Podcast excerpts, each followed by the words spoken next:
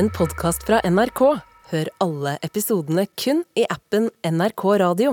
Tobias Santelmann er en prisbelønt skuespiller. Han gikk rett fra Teaterhøgskolen til jobb ved Det Norske Teatret i 2006. Men det store gjennombruddet kom med filmen Kon-Tiki i 2012. Siden har Santelmann spilt i en rekke filmer og TV-serier, både i Norge og i utlandet. Blant dem Mordene i Kongo, The Last Kingdom, og for tiden er han å se i braksuksessen Exit. Dette er Drivkraft med Vegard Larsen i NRK P2. Tobias Santelmann, velkommen til Drivkraft. Tusen hjertelig takk for det. Hvordan har du det? Du, jeg har det fint. Jeg syns det har eh, Ja, det har jo vært en uke med litt sånn exit-styr. En uke, ja. Med presseting og sånn, da. Eh, Hvordan forbereder du deg på det? Altså, hva, hva tenker du, eller hva veit du kommer? Um, man prøver å forberede seg på egentlig alt der.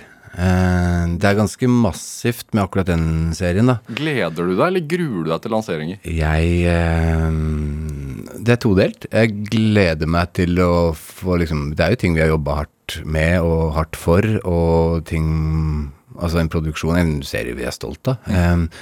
så det gleder jeg meg til å på en måte Ja, få sluppet ut der, på en måte, til at folk kan få sett det, som vil se det. Um, og så er jeg jo Det er jo bare meg, at jeg er ikke så glad i all den andre delen av yrket mitt som handler om Ja, øh, jeg er ikke så glad i pressesituasjonene, på en måte. Nei. Nei. Er det Hvorfor liker du ikke det? Um, Sitter her og sier du ikke er glad i å bli intervjua. ja, nei, men um, Jeg vet ikke, det Det, um, det er jo litt Altså, jeg er glad i et manus. Uh, altså, det er litt sånn det samme da, hvis jeg skal um, Hvis jeg skal jeg, For eksempel, jeg har vært forlover noen ganger. Um, og det eh, Det er to ting som skjer da. Jeg blir én veldig glad og stolt. To jeg gruer meg til at jeg skal holde tale. Um, fordi det, akkurat som alle andre, så er det det å stå opp foran andre mennesker og snakke, er ikke noe som eh, det er ikke jeg heller så glad i. Eh, Så jeg er ikke en som tar ordet sånn eh, uanmeldt, på en måte, noe særlig. Det er ikke Og det blir litt det samme av og til med presseting, syns jeg. Ja. Eh, fordi jeg er meg. Så det er, men, men det er fint å snakke om, om prosjektet og om serien og om hvordan det er å jobbe med det og sånn. Og så er det en del spørsmål som ikke nødvendigvis kanskje handler om akkurat det, og så blir jeg litt eh, jeg vet ikke, eh, ubekvem med det, eller jeg tenker hvorfor det, hvorfor, jeg, jeg syns ikke det ja. Men, men ligger det i bakhodet at hvis folk vet for mye om meg som person, så øh, vil de tenke på det når de ser rollene jeg spiller? Ja, jeg har lest en gang at noen skuespillere nevner det som et slags uh, argument, eller i hvert fall som sier det at ja, um, jo mer de kjenner deg, jo mer de har sett av deg privat, jo vanskeligere er det å overbevise dem uh, i en rolle, i en karakter. Uh, og det tror jeg nå er noe i. Um, jeg tror liksom de, det, det er vanskeligst for meg å overbevise eh, liksom familien min og kompisene mine, på en måte. Uh, eh, mora mi, liksom, hvis hun kommer og etterpå og sier sånn Der var det ikke mye igjen av deg-aktig, sånn, så tenker jeg da ok, da har jeg, en, da har jeg beveget meg langt. Når har det skjedd? Um, ja, jeg, jeg vil jo si eh, hun ikke kjenner Eller jeg håper hun ikke kjenner igjen så mye av sønnen sin i han Henrik Exit. Eh, det vil jeg vel si. Eh, nei, det har vært noen innimellom der, altså. Eh, og så Hva kjenner du igjen i Henrik? av meg selv. Ja. Det får jeg mye spørsmål om, og jeg har et veldig kjedelig svar på det. Det er veldig lite. Han har min eh, fysikk. eh, han, eh, det er mitt fjes og alt. og vi har samme dialekt. Menneskesyn vil jeg si at det er ganske annerledes. Situasjon, altså sosial hvor man er, økonomisk og alt, selvfølgelig annerledes. Eh, behov for fest og rus, ganske vilt eh, annerledes. Eh, jeg er glad i å gå ut i skauen og henge opp en hengekøye og sove der i natt. Eh, det tror jeg Henrik Kranz aldri har gjort. Ja. Det, altså, det er jo ganske morsomt. Vi sitter her nå i studio, to menn, 42 år, med hver vår turbukse på. Ja, ja. eh, og litt sånn utvaska T-skjorter. Mm. Ubarberte. Ja, ja. Hva skjer med oss når vi fyller 40?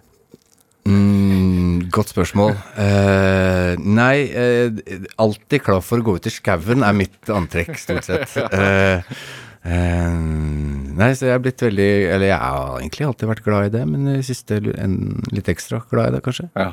Hvor ofte er, er du i skogen? Uh, nei, det, var, det går i perioder hvor mye, man, mye tid jeg har og, og sånn. eh, men eh, Hva finner du der, da? Um,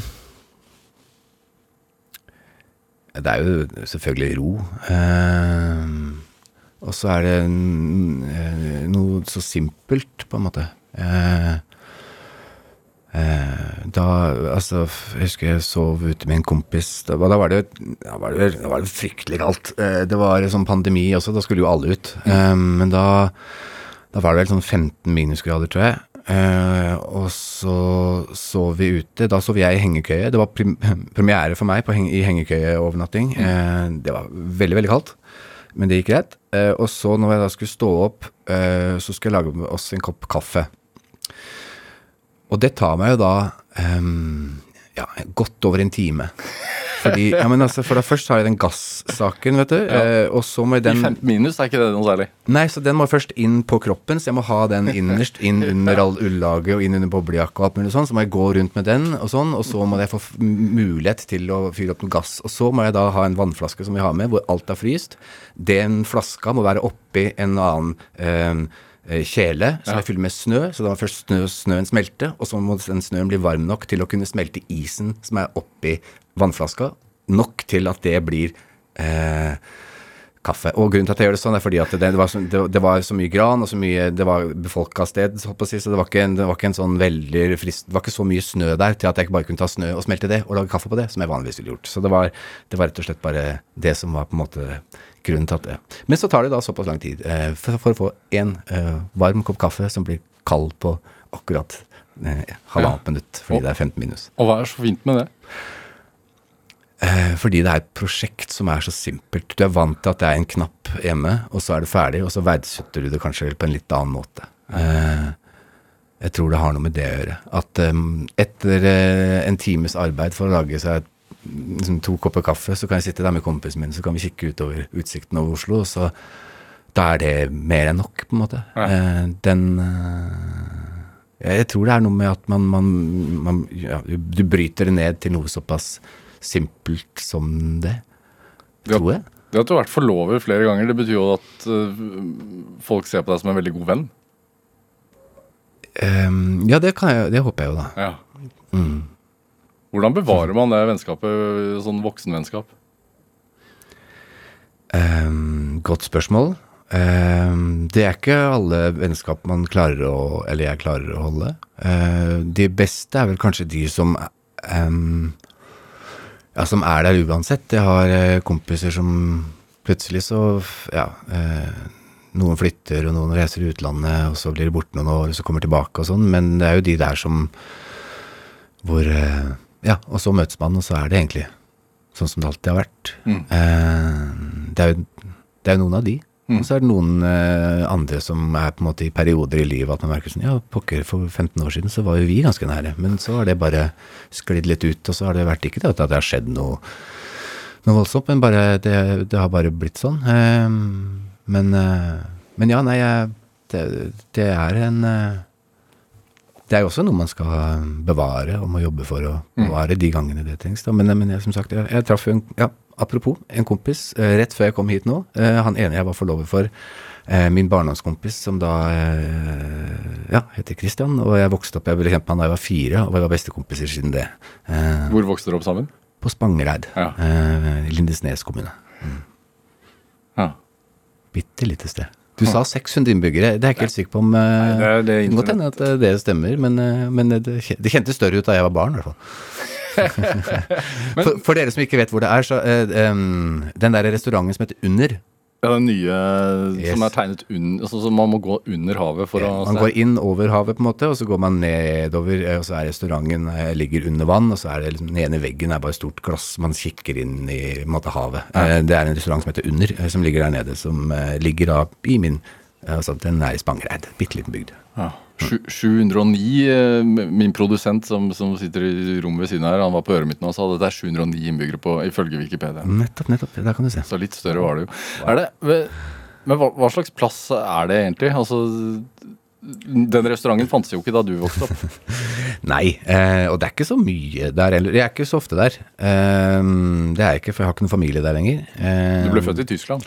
Jeg flyttet til Tyskland, ja. Eh, og så flytta familien min til, etter hvert til eh, Sørlandet. Og så flytta jeg da eh, familien min til Oslo da jeg var 16. Eh, sånn at eh, Men hva som, hvordan det Altså, det er jo et fantastisk sted å vokse opp. Jeg synes, altså For meg var det helt eh, det, det, det har Norges beste fotballbane. Eh, den er så Altså, du vet hvordan fotballbaner er at eh, Nå snakker jeg ikke om Oslo og kunstgress, nå snakker jeg om ordentlig, ordentlig, ordentlig gress.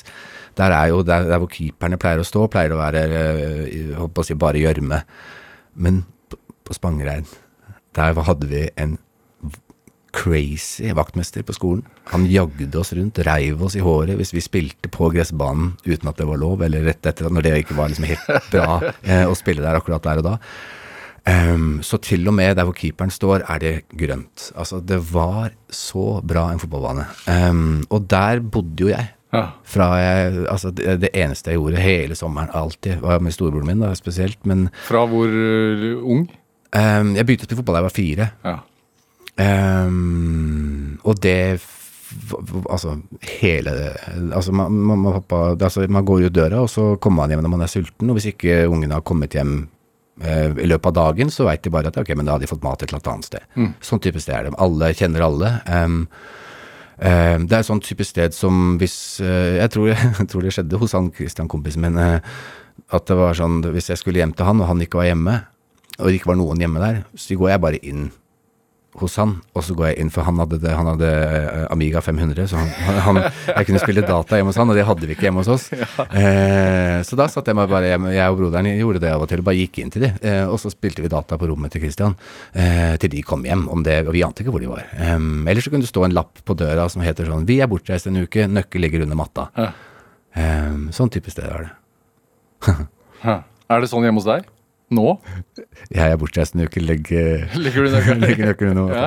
Nei, det er jo ikke det. Uh, I Oslo så har jeg ikke sett så mange sånne type lapper på noen dører, men uh, Nei, så ting forandrer seg jo. Men det er et sånn type sted. Det er veldig lite og godt og trygt sted å vokse opp som barn. Det er veldig fritt. Um, en frihet som ja, som eh, Ja, min datter er syv, eh, går i andre klasse. Eh, hun Jeg prøver å gi henne mest mulig liksom, frihet og sånn, men det er jo noe annet, noe annet i, i Oslo by med biler og trafikk og litt uoversiktlig og mye greier. Um, Umulig å stritte imot, nesten. Er det ikke det?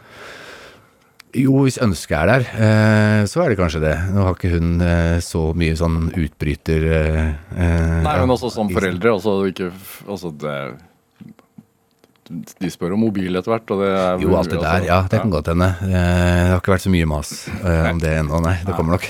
Men, men i forhold til eh, Altså, du, du ble født i Tyskland fordi du har tysk far, Mm. og så flyttet dere til eh, Er det og, både moren og faren din drevet med sånn alternativ medisin eller naturmedisin?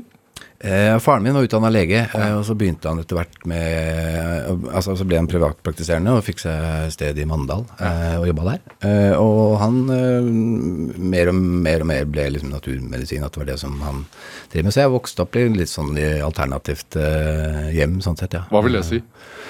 Eh, nei, det vil jo si at det er jo han som har vært min, eller var min, min lege i alle år barndommen, liksom. Eh, og eh, ja, men det var på en måte den eneste sannheten jeg hadde, var jo på en måte det. Eh, han ville meg jo godt, sånn at det var ikke noe sånn eh, Jeg var aldri noe sånn sett sånn skeptisk egentlig til det. Men eh, ehm, det vil jo bare si at eh, Ja, hva vil det si, da? Nei, av og til så var det kanskje bare litt sånn annerledes øh, Man kunne få noe plaster på en arm som hadde fått noe betennelse, og i det plasteret kunne det være noe rare greier som jeg tenkte ja, ok, da var det noe rare Jeg vet ikke helt, jeg husker ikke hva som var oppi der, ja, men, men det var et eller annet som skulle tiltrekke seg noe betennelse, da, sånn som det man ikke ville fått i en vanlig Uh, ja, kanskje, ja, kanskje vet ikke. Men uh, Men var, man, altså var det et hjem hvor man var åpen for andre ting? Altså alternative verdisyn og, og hva tenker du på da? Nei, vi tenker på altså, Hvis man er åpen for uh, alternativ medisin, så, så har man kanskje også et ja, mer åpent livssyn. Altså at man i Spangereid er vel også et sted hvor det er, hvor det er mye tro, f.eks. Sånn, ja. Ehm, ja, altså mine foreldre var vel sånne gamle hippier, tror jeg. Eh, eller mener jeg, da. Ehm, sånn at de, de jeg, Vi flytta til, til eh, Spangereid, og der eh, er jo kristendommen rimelig Eller var, i hvert fall. Eh, jeg tror det fortsatt er ganske inn eh, altså Det ligger i DNA-et der nede. Eh, det er jo midt i liksom det, altså, er Selve spenna i bibelbeltet, har jeg følt det. Um, mens vi ikke kom Vi er, var ikke et sånt hjem. Var, det var ikke noe søndagsskole og sånne ting på meg. Um, det, var, det tok mange år før jeg skjønte at de andre drev med noe, for det var ofte på mandager sånn, at de snakka om et eller annet som hadde skjedd i går. Uh, hvor jeg aldri helt skjønte helt hvor Hvor faen var dere i går? Jeg, jeg var på fotballbanen, men ingen av dere var der. Um, så det Ja, så vi var jo en av de. Det var, vi var noen få familier der som ikke på en måte helt var i den eh, Som tok liksom Som tok uh, livssyn istedenfor kristendom på barneskolen og sånn. da. Vi var vel tre stykker, tror jeg, i den livssynsklassen, for eksempel. Føler man på noe annerledeshet da, eller er det bare Um, vet du hva, det syns jeg ikke var så Eller jeg følte ikke Jeg følte det var helt sånn naturlig, jeg. Um, ja, jeg har aldri vært en sånn men, det, ja, sånn veldig troende uh, på den måten. Um, sånn at uh, Ja, hadde jeg vært helt alene, liksom, så, eller blitt mobba for det, eller et eller annet, så hadde jeg kanskje følt litt på det, men det følte jeg ikke. Hvem var du, da? Som ung? Um, uh, hvem var jeg som ung, da? Ehm, jeg var ganske Jeg fulgte etter broren min, tror jeg, mye. Hvor mye eldre? Han er fire år eldre enn meg. Og så har jeg en søster som er to år eldre. Um, men det var, altså, fotball var veldig, veldig, veldig stor del av eh, Og han drev med fotball? Han spilte fotball. Uh, alle spilte fotball. Altså, man, drev, man spilte korps uh, på Spangereid. Ja. Spangereid skolekorps. Da spilte jeg tromme. Og så var det Hvorfor tromme? Det er fordi det var det alle ville, for alt- det var det kuleste å gjøre. Så alle, særlig gutta, alle ville spille tromme. Um, så vi ble tatt inn på sånn slags audition hos uh, korpsdirigenten. Uh, og så fikk vi noen oppgaver og sånn, og så var det plukka han ut hvem som kunne spille tromme av de som var aspiranter da, eh, hvert eneste år. og så kom det litt an på hvor mange trommeslagere man trengte. I, man trenger ikke 17 trommeslagere i et korps som har 25 stykker. Sånn at det var på en måte den, det, var det store målet. på en måte, Hvis man først skulle i korps, så var det å spille trommer. Og du ble, du ble plukka ut? Jeg ble plukka ut til trommer, eh, og det, jeg var aldri han kule. Sånn at det var på en måte min første sånn wow. Eh, fordi jeg husker at liksom de andre som fikk spille tromme da, det var på en måte Det var min kompis eh, Preben. Eh, eh, var det vel? Nå ble jeg plutselig usikker. Det var i hvert fall, i hvert fall Werner, eh, som var liksom han kule i klassen. Eh, og så mener jeg det var Preben, ellers så, var det, ellers så kom eh, Eivind inn der, uansett. Så var det um, Jeg følte at nå har jeg fått en plass rundt et bord med de kule gutta som jeg egentlig ikke helt veit hvordan jeg skal forholde meg ja, Jeg vet ikke helt hva jeg skal gjøre her, hva jeg gjør her, men tydeligvis er dette tromminga noe jeg er ok på. Um, Hvorfor følte du deg ikke kul? Nei, jeg har aldri vært noen kul. Jeg var ikke en sånn som var gøyal, eller sa de gøye tinga, eller som var sånn midtpunkt, eller kunne liksom Du merker jo fort når du går på, eller på barneskolen, eller altså, Du merker jo tidlig om du er et, eh, et samlingspunkt eller ikke. Om du er en som eh, på en måte Er du en som alle vil henge med, eller ikke? Den, eh, det tror jeg man merker ganske Ja. hurtig. Men jeg hadde kompiser, det var ikke det. Men, eh, men det var mer en sånn på sida-aktig. Det var ikke, vi var, ikke- jeg var ikke en av de kule. Eh, men så, ja, så det var mye, mye fotball. Det var virkelig noe jeg brukte masse tid på. Og så var det mm, Ja, etter hvert begynte jeg å spille litt gitar, så jeg drev med det og spilte i band og Men Hadde dere instrumenter hjemme? Ja, gitar hadde vi hjemme. Ja. Fordi du, du spiller jo i band nå også, og jeg skjønte sånn at du tar uh, instrumentet ganske lett. Eh, Jeg er i hvert fall veldig glad i det. Når du blir plukka ut til trommespiller i korpset i så ung alder, og det henger så høyt, eh, og du ikke har tromme hjemmefra før, Ja, sånn, ja. da, Eh, da, da, da har man rytmesans. Eh, ja, jeg, hadde, jeg har rytmesans, eh, og jeg, jeg er ganske musikalsk. Um, og jeg er veldig glad i det, særlig sånn i starten, for da er, eh, er jo eh, måte, eh, progresjonen er så høy. Eh, du, du lærer ting så fort, så den ene dagen kan du på ingen måte spille ukulele, og eh, hvis du gjør det i to dager, så kan du plutselig spille masse låter på ukulele. Men er, også du utfordrer du deg sånn med nye instrumenter til stadighet? Ja, så jeg har spilt masse instrumenter, men veldig eh, lite, så jeg kan eh, Sånn at idet man blir sånn såpass at man må liksom eh, Jeg spilte piano i seks år, eh, men med en gang liksom, men da ble det at jeg spilte på gehør og spilte de tingene jeg hadde lyst til å spille, ikke de der kjedelige notene og klassiske greiene, de syntes jeg ikke var så gøy. Um, så spilte jeg heller liksom Final Countdown, liksom, fordi jeg syntes det var fett. Ehm, men uh, men idet man må liksom øve skalaer og sånn for, liksom, for å bli god, liksom, så mistet jeg interessen. Så da var det et nytt. Så da spilte jeg trekkspill litt, og så spilte jeg gitar, og så spilte jeg bass, og så eh, spilte jeg et band hvor jeg spilte altså sånn. Så jeg shoppa litt. Uh, og i voksen alder så har det blitt eh, Jeg har spilt kontrabass, uh, eller det spiller jeg. Ja. Men det var pga. en teaterforestilling da, at jeg måtte lære meg å spille kontrabass. Og så har jeg måte bevart det. Hva er det som er så fint med å, å lære seg instrumenter, da?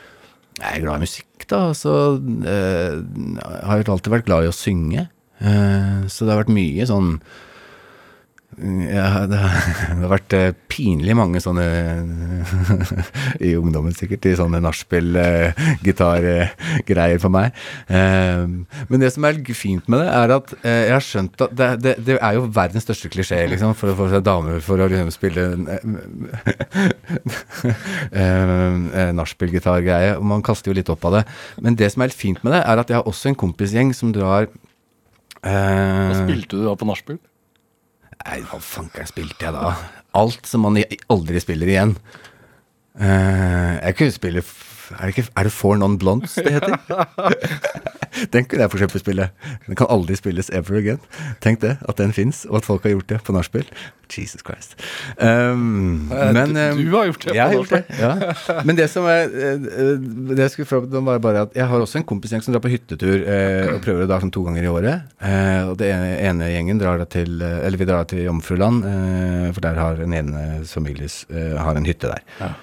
Og de første gangene jeg var med der, så skjer jo det samme der. Og da er vi bare karer som alle sammen er øh, rimelig musikalske, liksom, og kan traktere gitar. Så da har man med seg to-tre gitarer aktig, og så tenner vi bål ute øh, med ja, stjernehimmel og havet inn, og så går de gitarene rundt. Og det er ingen damer der vi skal Så det, det, det er bare Så det, det er jeg vet at det er verdens største klisjé, men det er også, et, det er også genuint liksom, glede i det. Ja.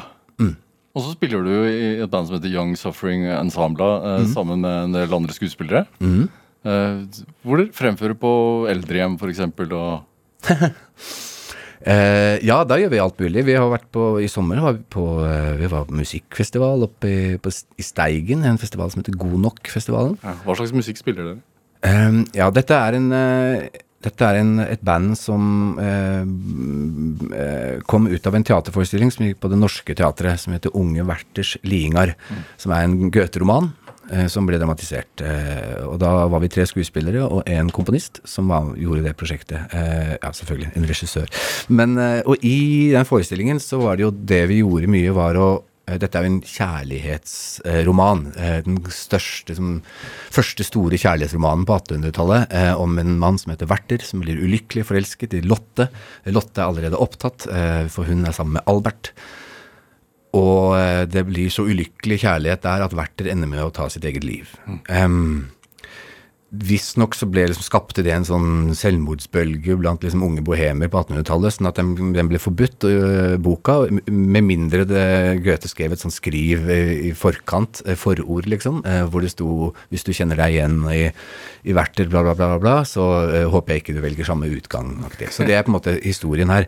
I den forestillingen så Det var Goethes sånn 'ring dette nummeret' hvis du Ja, har ikke noen. Ikke sant. Huff a meg. Eh, men ja, eh, og da Det vi gjorde i forestillingen, var å oversette kjente og kjære kjærlighetslåter fra eh, popverden eller fra gammelt av, om det var så Bob Dylan eller, eller om det var- Beyoncé, det var på en måte ett fett, eh, så lenge det handla om kjærleik. Vi oversatte det til nynorsk eh, og gjorde om på den musikalske drakta på det, så vi gjorde jo om på de, men budskapet er jo likevel det samme, og flytta det inn i forestillingen. Og da kunne vi husker jeg vi gjorde blant annet sånn One av U2. Eh, da trilla vi inn tre flygler, og så spilte vi på det og sang Ein kjærleik. Eh, og det syns vi var så fint. Ja. Eh, og vi koste oss så fælt med det musikalske også i den forestillingen. Så da var det Gaute Tønder, da, som er komponisten, som da hadde ideen om at hva om vi tar det den delen av forestillingen, og konseptet egentlig, tar vi bare ut derifra og lager et band. Så det er det vi har fortsatt å gjøre. Så det er da Marie Blokhus, ja. og nå en som heter Herman Sabado, eh, og en som heter Gaute Tønder. Eh, så det er eh, altså Gaute og Marie og meg er skuespillere, og Gaute er komponist. Og så er det det vi gjør. Vi oversetter alt mulig rart. Um, og så spiller vi det på disse strengeinstrumentene vi har. Så det er et slags eh, hva skal jeg si et akustisk eh, Veldig akustisk preg Det over er det. ikke noe, det er ikke noe penger i dette her for deg. Ikke så mye, i hvert fall. Vet du hva, eh, helt ærlig så gjør vi såpass mye noen måneder at det er ganske mange altså sånn med, Det er noen måneder hvor jeg tenker sånn, ja. Det, det som har betalt regningene mine denne måneden her, er musiker. Oi. Ja, ja. Ja. Ehm, for da har vi hatt eh, noen eventer vi har spilt her, på noen mm, litteraturfestival der, og så har vi vært eh, på et bryllup her, og så har vi vært på en, eh, en 60-årsdag der, og så Altså sånn ja.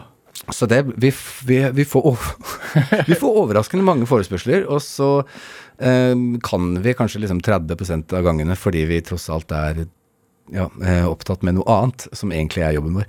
Um, men eh, men hvis, det er virkelig et sånt fristed som er helt um, det er så nært hjertet mitt, eh, det bandet der sånn, og det er, en, det er både en psykologgruppe, føler jeg. Eh, Vi kommer inn og sitter i sirkel første halvtimen eh, hver gang vi har øving og snakker om hvordan man har det, hvor man kommer fra, hva er det man har opplevd, bla, bla, og sånn og sånn. Og så, ok, eh, det er bare kjærleik i det rommet, og så Hvordan er musikerlivet kontra skuespillerlivet, da? um, akkurat nå så er musikerlivet stedet jeg blir, Det er der jeg blir nervøs.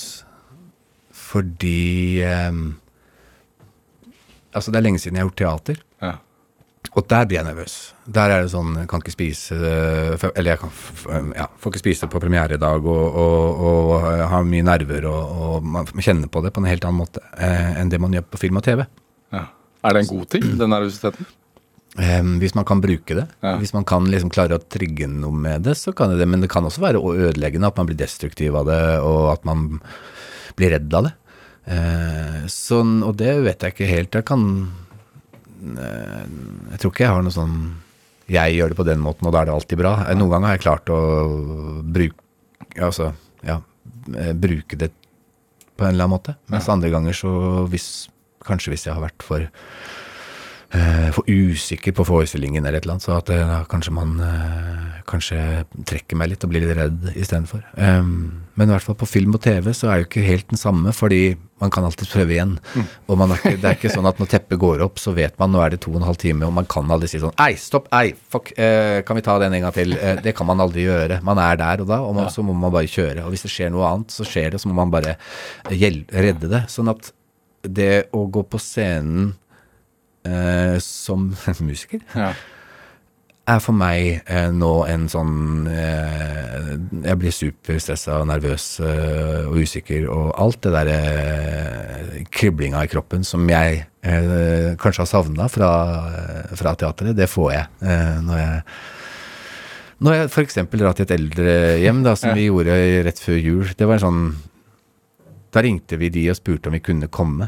For jeg, det var, rett, det var på Vålerenga, der hvor jeg, jeg har bodd eh, Jeg har bodd i Etterstadgata, som er en bitte liten gate helt øverst på Vålerenga. Masse sånne fine sånn trehus nedover. Og jeg bodde i en sånn leilighet eh, ja, i Etterstadgata. Og rett vis-à-vis der så er det et sånt hjem, eh, eldrehjem. Og siden jeg hadde liksom på en måte et forhold til det hjemmet, fordi jeg hadde bodd her så lenge, eh, så tenkte jeg sånn, ok, nå, vi, vi, vi vil gjøre noe godt eh, nå til jula, liksom. For Ja. folk som kanskje ikke nødvendigvis altså, sånn, Hva om vi bare ringer og sier hei, vi har lyst til å komme og ha en times konsert for de som og så Vi skal ikke ha noe for det, sånn, sånn, sånn. Vi kommer bare sånn, og så kjører vi en akustisk konsert. Ja. Er det ok? og det var veldig ok, og det var veldig fint og gøy eh, å få gjøre. Ja. Hva hadde Henrik sagt om uh, denne oppførselen her? Å, Å, herregud. Ja, nei, jeg tror han hadde Alt jeg har sagt fra starten av denne samtalen til nå, ville han eh, Altså, han ville jo gått herfra for lenge siden. Han hadde ikke giddet å høre på det. Hvor, hvor, i forhold til å føle på nervøsitet og sånne ting, hvor, hvor nervøs var du eh, da du skulle fremføre den Jacques Brel-låten som vi snart skal høre?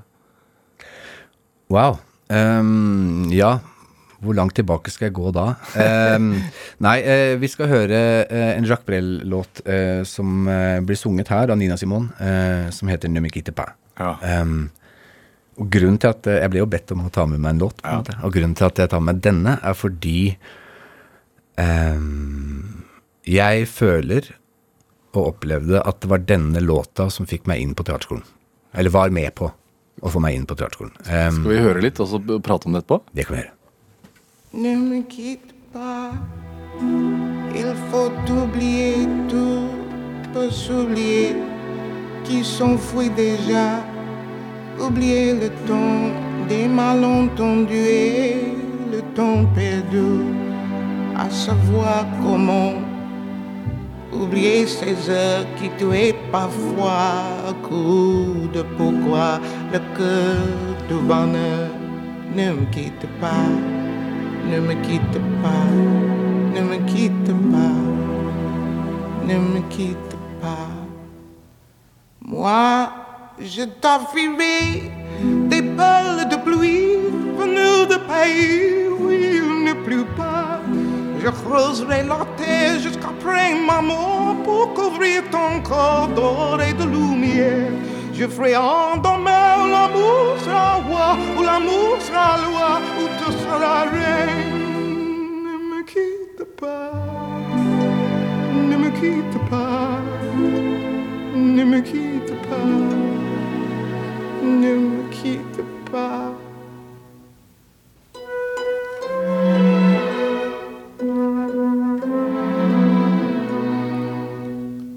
Ne me quitte pas, je t'inventerai des mots insensés que tu comprendras. Je te parlerai de ces amants-là qui ont vu deux fois le cœur s'embraser. Je te raconterai l'histoire de ce roi mort de n'avoir pas pu te rencontrer. Ne me quitte pas, ne me quitte pas, quitte pas. On a vu souvent rejaillir le feu de l'ancien volcan qu'on croyait trop vu. Il est parti des terres brûlées. Ja, du fikk en eh, smakebit av eh, Nina Simons eh, versjon av Jack Brels eh, Nemekita Pa her i Drivkraft på NRK P2. Valgt av dagens gjest her i Drivkraft, nemlig skuespiller Tobias Santelmann. Er det Får du gåsehud nå, eller hvordan, hva, hva, hva, hva sier kroppen når du hører det? Um, det er lenge siden jeg har hørt den nå. Det en, men det var en periode hvor jeg hørte den veldig, veldig, veldig veldig mye. Um, ja, det, um, den betyr mye for meg. Uh, grunnen til det er fordi jeg eh, Det var en periode jeg jobba på en pub nede på Aker Brygge som het Hannibals hybel, som var en ja, rimelig brun pub. Hva gjorde du der? Eh, Jeg, jeg jobba som servitør og bartender eh, og litt sånn. Eh, Eller, det var det. Det var det jeg gjorde. Det var tilfeldighet at, jeg- at jeg endte opp med å jobbe der, egentlig, men, men det er en litt lengre historie. Men det er da en stampub til eh, de som tar Nerstadbåten, eller var da. Eh, den fins ikke lenger, den puben. Men så det ligger helt starten eh, av, av Aker Brygge. Samtidig så lå det som nå er KIO, det var da Statens teaterhøgskole før. Den lå i femte etasje inne på det som da er kjøpesenteret på Aker Brygge. Der lå den. Så jeg søkte jo på teaterskolen og jobba på puben som var stampuben til de som gikk på Statens teaterskole. Um, som var greit i starten, men etter hvert når jeg da hadde søkt to år og ikke kommet inn, og var på tredje, siste runde Og de du søkte med, gikk på puben? det er nettopp det. uh, så jeg hadde hatt liksom ti dager med tredjeprøve uh, i når var det, mai et år. Og så hadde det kommet inn ti stykker. Jeg var ikke en av de. Det går to måneder, og så kommer de jeg skal servere øl og gratis chilinøtter til de som da har begynt på Statens teaterskole. Det er ikke en veldig god situasjon å være i. Ja, Um, ja, ja, du er her ennå, liksom. ja, ja, ja, ok, du er her. Nei, for du skjønner, nå er det skikkelig tøft med den skolen. og Sånn, og til i morgen så må vi ha det, og vi må ha det, og vi må ha det, og nå må vi faen meg gjøre det, og det er så jævlig hardt. Kan jeg få en øl til? Liksom. uh, og så tenker jeg sånn, ja, hold kjeften din, jeg ville kutta med armen for å være på den jævla skolen. Slutt. Um, men um, men mens jeg jobba der, så var det sånn da en periode hvor jeg, når jeg stengte, så kunne jeg, da styrte jeg musikken selv. Eh, så tappa jeg med meg en øl, og så tok jeg noen nøtter. Og så vaska jeg og rydda og gjorde oppgjør og alt mulig sånn. Det tar en time og halvannen. Og da gikk den her i loop, den låta. Jeg an, kan ikke et ord fransk, så jeg ante ikke hva den handla om. Men den traff meg, og jeg var sikker på at den handla eh, selvfølgelig om kjærlighet. Eh, men jeg visste ikke hva, men jeg visste hva den traff i meg på en eller annen måte. Ja. Eh, så den hadde noe som jeg Hva traff den? Ehm, sårhet, eh, savn, kanskje noe umulig. Ja. Eh, det er jo ikke en gladkjærlig låt, bare, betyr jo 'ikke gå fra meg'. Ehm, så oversettelsen har jeg jo da, fikk jeg jo da i etterkant. Men det jeg bestemte meg for, for det jeg søkte på teaterskolen, og noe av opptaksprøvene er jo å synge sang. At du skal for en jury velge en sang. Du får kanskje en pianist. Hvis det er på tredje brus- siste prøve, så var det sånn da, at da er det også en pianist der som du kan komme med noen noter, og så si sånn hei, den skal være mm, i G, og så G-dur, for eksempel, eller whatever. Og så har du da noen til å spille for deg, og så kan du da fremføre dette her. Jeg valgte at det er den jeg skal ha. Så den gikk i loop også hjemme hos meg. Jeg bodde i kollektiv sammen med to andre venner av meg, Synne og Sindre. Og da gikk Nina Simone Numikitepa 24-7 i flere uker. Det er flere ganger hvor de liksom skulle inn på rommet mitt for å prøve å si sånn Ok, kan du være så snill å skru den av? Men da hadde jeg, bare, da hadde jeg gått ut, Ja, og så hadde jeg bare glemt å skru den av. Så den fortsatte bare i loop i timevis. Og de, de kaster jo opp hvis de hører på Ja, dette her. du sånn. blir også litt kvalm av å gjøre det. Jeg blir ikke det. De blir det. De, de kan sikkert aldri høre på den ever. Men eh, Og så fikk jeg da han jeg leste med til for å komme inn på teaterskolen, het Jørgen Langelle. Eh, han eh, lever ikke lenger, men var en fantastisk skuespiller som jeg eh, så veldig opp til. Eh, og som jeg fikk lov å lefse med fordi jeg hadde blitt kjent med han av å jobbe på den puben, for han bodde på Nesodden. Så det var stampuben hans, blant annet, når jeg venta på båten. Hva, hva, altså, hva betyr det å lese med her? Unnskyld. Eh, å lese med. Det betyr at mens man søker på teaterskolen, så er det greit å ha et øye utad som kan se hva du gjør. Ja. Eh, ikke alle gjør det, men det er ganske vanlig at de som søker, eh, kontakter skuespillere og sier 'hei, kan, du, kan jeg lese med deg'? Ja. Som egentlig bare vil si 'kan du se på hva jeg gjør', og gi meg noen eh, notes, liksom, om, om hva, hva du syns, eller hva jeg burde tenke på, og kan du hjelpe meg? En slags mentor, liksom? Ja, absolutt. Og det Så han Jeg fikk være Han fikk være Eller han var min mentor. Jeg fikk være hans elev eh, de ukene. Um, og han eh, Jeg mener det var en søster han hadde, eh, som da oversatte teksten, så jeg visste hva den handla om. I hvert fall.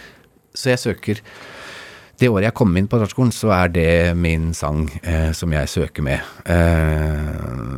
Og spør juryen idet jeg står der Ok, jeg vet ikke om dere kan fransk, så har vi fem i juryen som snikker sånn. Ja, det kan vi.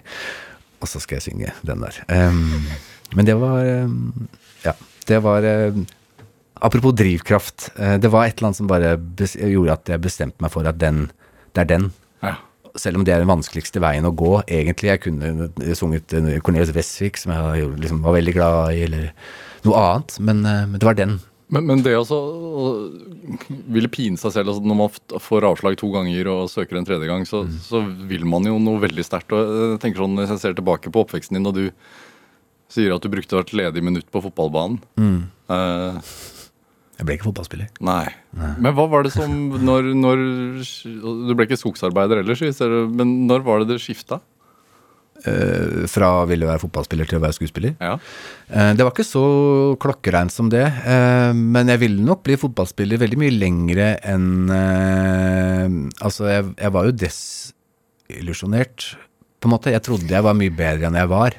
Jeg trodde I have a freaking chance, liksom. Ja. Til jeg var pinlig gammel, uh, på en måte.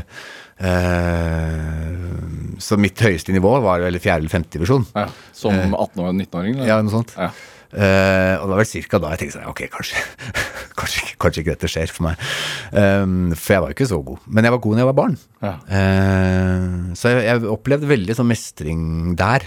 Uh, jeg var ikke en av de kule gutta, men på fotballbanen der visste jeg at jeg var eh, Og da gjorde jeg noe, noe det, er kjempeflaut, men, men det er en sånn bekreftelsesbehov som jeg fikk som jeg hadde rundt det. Jeg vet ikke om det var fordi jeg kanskje ikke følte meg så eh, kul, eller så eh, Jeg vet ikke. eh, jeg følte meg kanskje ikke som så en av gutta ellers, men der følte jeg at jeg hadde noe eh, som gjorde at jeg av og til på skolen og sånn, hvis vi skulle på ungdomsskolen, hvis vi skulle hjem, og da måtte vi ta buss, skolebuss, alle som bodde på Spangereid, for da gikk vi på ungdomsskolen på Vigeland, som var da, eh, er da halvannen mil unna Spangereid.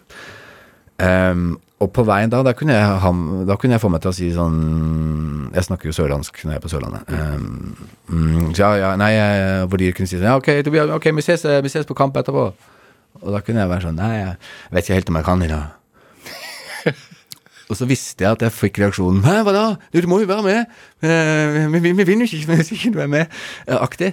Eh, men så jeg spilte litt sånn Ja, ok, men jeg kan hende jeg må gjøre noe greier, men jeg, ja, jeg får se. Eh, jeg skal prøve. Jeg, selvfølgelig skulle jeg det. Jeg hadde jo ikke noe annet jeg skulle gjøre. Men jeg skulle bare feede på den derre Uh, I don't know. Det var en sånn bekreftelsesbehov eller eh, en greie jeg hadde da. Sånn at når jeg da endelig kom og fikk sånn Yes, fikk du komme! Ja, ja, jeg fikk det til. Så Men er det overførbart til det da å velge et liv på scenen og, og på lerretet, holdt jeg på å si? Eh, jeg håper den har roa, roa seg litt. eh, Det er jo, man, man får bekreftelse når man får applaus, og man får bekreftelse når 1,1 millioner skjer første episode av Exit. Også. ja, og det syns jeg oppriktig er hyggelig når folk kommer og, og, og stopper deg og sier hei. jeg Bare sier eh, ja, eh, syns du gjør en fin jobb, liksom. Det blir jeg fortsatt veldig glad for. Ja. Eh, det gjør jeg. Eh, det Og det som er fordelen med film og TV versus teater, er jo at på teatret så kunne man, for det var jo ofte at man etter forestilling så gikk man gjerne enten på det som var Håndverkeren, som var på stampuben til alle eh, teater- og skuespillerfolk i Oslo. For dere som ikke har vært der. Eh, det fins heller ikke lenger, men det var i hvert fall der liksom stedet var. Eller en annen pub i nærheten av teatret. Eh, gjerne hvis det eh, er folk som du veit at det er sett på, som er i nærheten, så blir den, den ølen du tar der, blir litt sånn ah, Du føler litt at Ja, ok, de har ikke kommet og sagt noe ennå. Syns du det var så crap? Du føler, altså, du føler sånn Jeg er her. Uh, dere har nettopp sett to og en halv time med et eller annet vi har gjort. Vi har prøvd å gjøre det skikkelig bra. Dere sier ingenting. Uh, ok. Uh, selv om ikke jeg nødvendigvis kjenner de, jeg bare vet dere har vært der, for jeg har sett dere i salen. Dere sitter ett bord Dere, dere kan bare komme bort og si et eller annet. Så da, man, kan, man kan kjenne litt på det uh, på teatret, mens på film og TV så kan man ikke det. Man aner ikke, jeg, aner ikke, jeg aner ikke om du har sett hva du har sett. Jeg har ikke peiling, jeg. Og det er en sånn Jeg har sett alt, Ja, har sett alt, ja. Nei, men det er egentlig ganske sånn Den delen av det er litt sånn deilig. Hvis man plutselig er et sted hvor man tenker sånn Ja, det, du har det, det, det er som hvis du som Ja, hvis noen sier Du, ja, jeg så jo den filmen din. Ja, ok. ja. Og så ikke si noe mer. Da tenker jeg, da du, har nesten ikke tenkt å si at du så den. Eh, det er jo en sånn Eller når de begynner å ja, ja, Jeg så den forestillinga. Ja, det var fi, fin scenografi på den. Så blir man også sånn Ja, ok, greit. Det var det. Men eh, det er jo en annen måte å si på at vi sugde. Så det er jo greit. Og bra kostymer. Ja. Eh, er det Men altså, dere flyttet jo til Oslo da du var 16. Ja. Eh, og du kom til, da, til Oslo vest med sørlandsdialekt. Ja, eh, nå har jeg alltid prata begge deler, fordi min norske familie er fra Østlandet. Så Ja. moren min har alltid prata østlandsk. Så hjemme prata jeg alltid østlandsk, og så gikk jeg ut døra og ble sørlending når jeg møtte kompiser. Men det var, var her i Oslo at eh, skuespillerfrøet blir Ja, sådd? eh, ja, jeg ante ikke at eh, Nei, jeg hadde ikke tanker om det. Så det er kjempe, veldig tilfeldig. Ja. Eh, jeg gikk på Da jeg flytta til Oslo, eller da vi flytta til Oslo, så jeg begynte jeg på Steinerskolen på Hovseter. Naturlig nok, si. Uh, ja, det kan man kanskje si, men for meg så Jeg, jeg var aldri sånn skoleflink, så for meg så tror jeg det redda um, Altså, jeg tror ikke jeg hadde fullført videregående hadde jeg gått på vanlig eh, allmennfaglig eh, skole, fordi jeg var såpass Jeg er lesesvak, Ja. jeg har dysleksi. Um, jeg skal ikke skylde på alle mine dårlige karakterer pga. det, men Men jeg var ikke noe sånn karaktersterk, det var jeg aldri. Eh, og jeg tror nok jeg kunne blitt ganske lei uh, og meldt meg ut eh, hvis det karakterjaget hadde fått fortsette, og jeg hadde merka at jeg får, jeg får det ikke til. Jeg, det tar for, jeg klarer ikke. Jeg, det, jeg har, eh, mens på Steinerskolen så har de en annen læreform. Eh, og masse alt, liksom, kreative ting eh, som man får gjøre. Eh, at det å, det å masse maling, og du vever et teppe, og du har noe smie der, og det er altså masse fantastisk sånn bygger Du, du brenner dine egne bøker, og det er noe modellering, og det er masse sånn kreative ting. Eh, som var helt nytt for meg. Eh, men, eh, men da er det sånn, altså, på Steinerskolen eh, Så det siste året på videregående så skal eh, hver klasse sette opp et eh, teaterstykke. Og der skal alle være med. Eh, jeg husker storesøstera mi, da hun, hun gikk også der, eh, da vi hadde dit. Så, men hun eh, ville alt, for alt i verden ikke være med på det. Eh, så hun prøvde jo bare å men, men hun måtte også på scenen, så hun fikk en verdens minste rolle i et eller annet stykke som de gjorde, men hun hata det.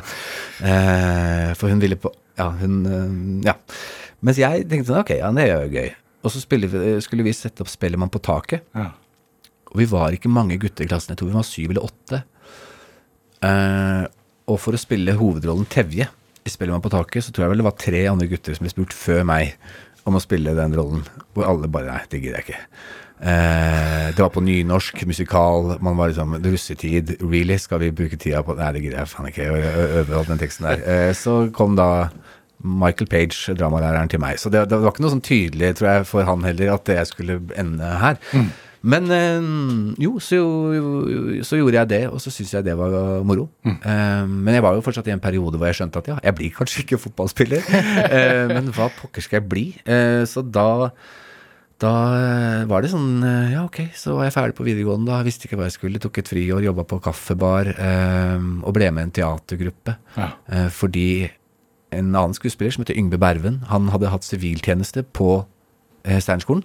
Så han var på en måte regiassistent, eh, på en måte, eh, da vi satte opp Spilleren på taket. Og han og en annen eh, eh, som tok siviltjeneste på en annen Steinerskole, som heter eh, Even Lynne, som senere ble dekan på KIO. Men han hadde, siviltjeneste der. Så de, eh, Yngve og Even sammen, lagde en teatergruppe eh, for sånn, eh, tidligere eh, Steinerskoleelever og de som gikk der nå, som var interessert i drama. Så da ble jeg kontakta sånn Du syntes jo det var gøy med Spellemann på taket, vil du være med på dette? Ja. Så da satte vi opp eh, Gjøkeredet. Eh, det friåret. Og så syntes jeg det også var moro. Så begynte jeg å høre snakk om at det er noe som heter eh, Romerike folkeskole. Som jo er en slags institusjon i forhold til det å komme inn på Teaterhøgskolen eller skuespillerkarrieren videre, egentlig. Ja, det er sånn, ja, det er i hvert fall et sted man kan nøle veldig med skuespilleri og teater og musikal og alt som har med det å gjøre, i et år, da. Eh, Når var det det ble lidenskap? Ehm, det var vel kanskje i løpet av det året på Romerike folkeskole hvor jeg eh, Jeg var ikke en av de gode der heller. Eh, så da liksom noen skulle lage sånne egne sånne grupper utenfor eh, utenfor liksom klassene, på en måte, og sette opp noe eget, så var jeg, jeg ble liksom alltid spurt om å være med der. Eh, Føler, det- føler du deg god i dag? Ehm.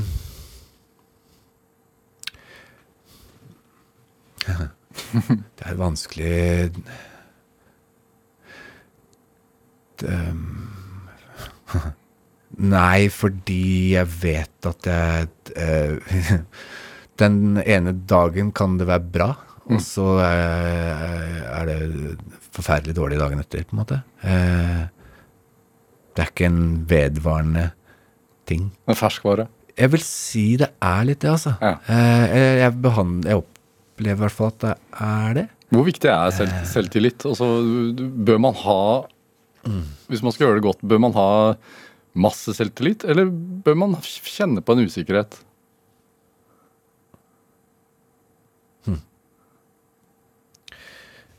Um, jeg, jeg tror det er bra med selvtillit, eh, så lenge den er eh, ehm, Er dosert med samme mengde ydmykhet. Um, For jeg, jeg har ganske selvtillit når det gjelder eh, det å være på sett, f.eks. Nå Nå har jeg vært der ganske mange timer, føler jeg. De siste ti årene så har det vært mye TV-serier og mange lange greier, og fryktelig mange dager hvor jeg har vært på sett. Så det liksom Jeg er ikke lenger usikker der. Men arbeidet mitt er jo fortsatt det samme. Jeg er fortsatt like ydmyk øh, f- rundt det. Eh, men jeg er selvsikker nok til å eh, men, til å ja, jeg, diskuterer og mener, og, faglig så, så, så går jeg inn i alle diskusjoner hvor jeg måte, er uenig, eller hvis jeg har noen innvendinger og alt og sånn. Eh, Det gjorde jeg kanskje ikke før, men det føler jeg liksom trygghet nok til å gjøre. Og ja, eh, men, men, eh, men eh, nerv, Sa du redsel eller nervøsitet? Hva, hva, hva var det du Nei, Jeg kan du kunne sagt begge deler. Eh, ja, nei, eh, for det, den kan ta overhånd. Ja. Og på film så er det ofte så nære at hvis den er nervøs Altså, ja, hadde mm, Henrik i Exit eh, Hadde jeg vært veldig nervøs, Ja. så hadde jo han fremstått nervøs. Jeg tror man hadde lest det. Mm. Så hvis det er noe som en karakter skal gjøre, eh, hvor den er nervøs, så er det ikke noe problem. at Da kan du fint være nervøs. Det, eh, den tanken eller den følelsen kan likevel være der. Den er ikke stokk i veien. Men hvis Ja, i Exit, eh, når Henrik skal Jeg kan ikke være nervøs i de scenene jeg skal være han. Nei. Selv om jeg er privat. Hvordan, hvordan gjør du det? Ja, hvordan jazzer du deg opp? Slår du deg på brystet, liksom? Er det Nei, for der er det en mygg. Eh, en mikrofon. Så hvis jeg slår Nei. Um, nei Det kommer veldig an på scenen, egentlig. Eh, i, I Exit så handler det vel egentlig mest om å bare jabbe, prate.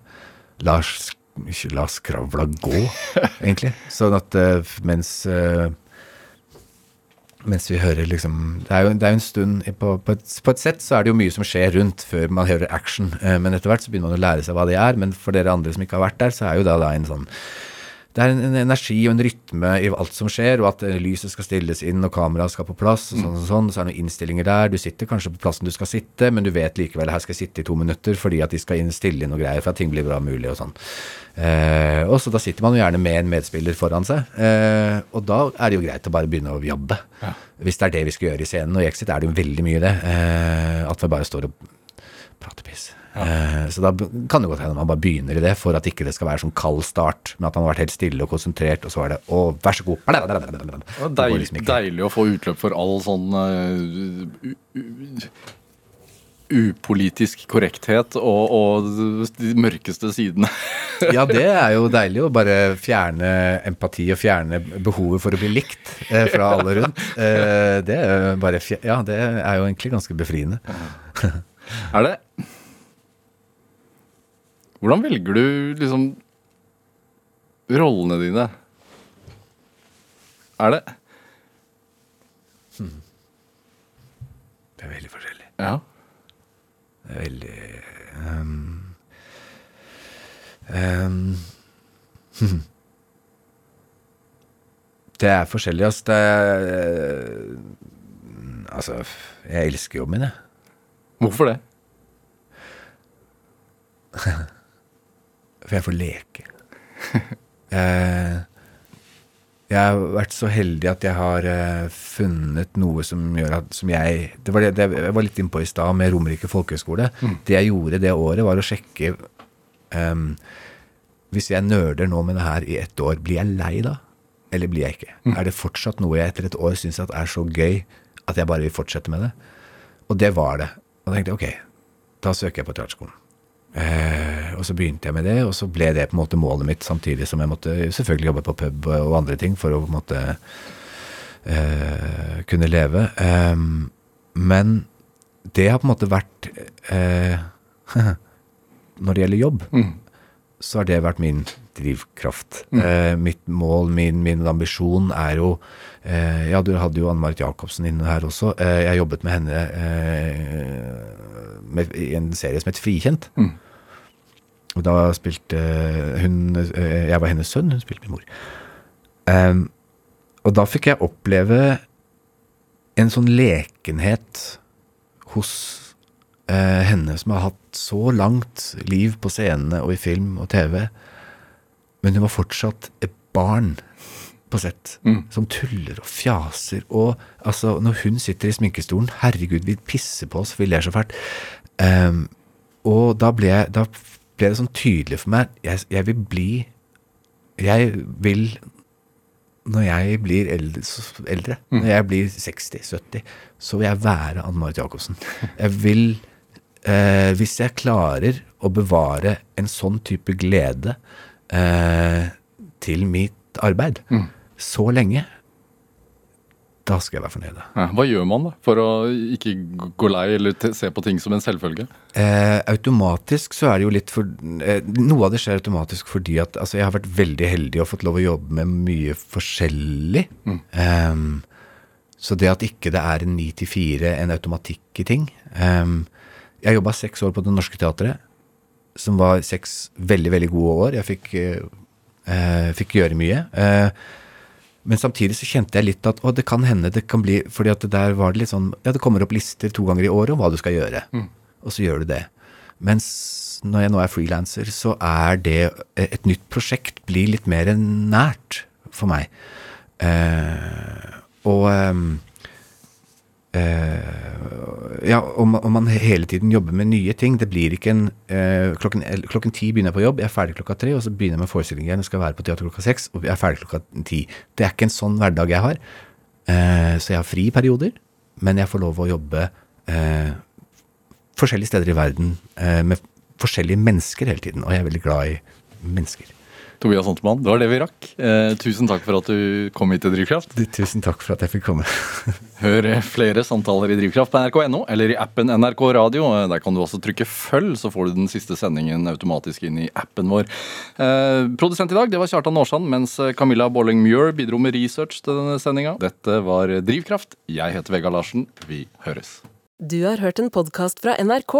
Hør alle episodene kun i appen NRK Radio. En podkast fra NRK. Hei, jeg heter Gry Veiby.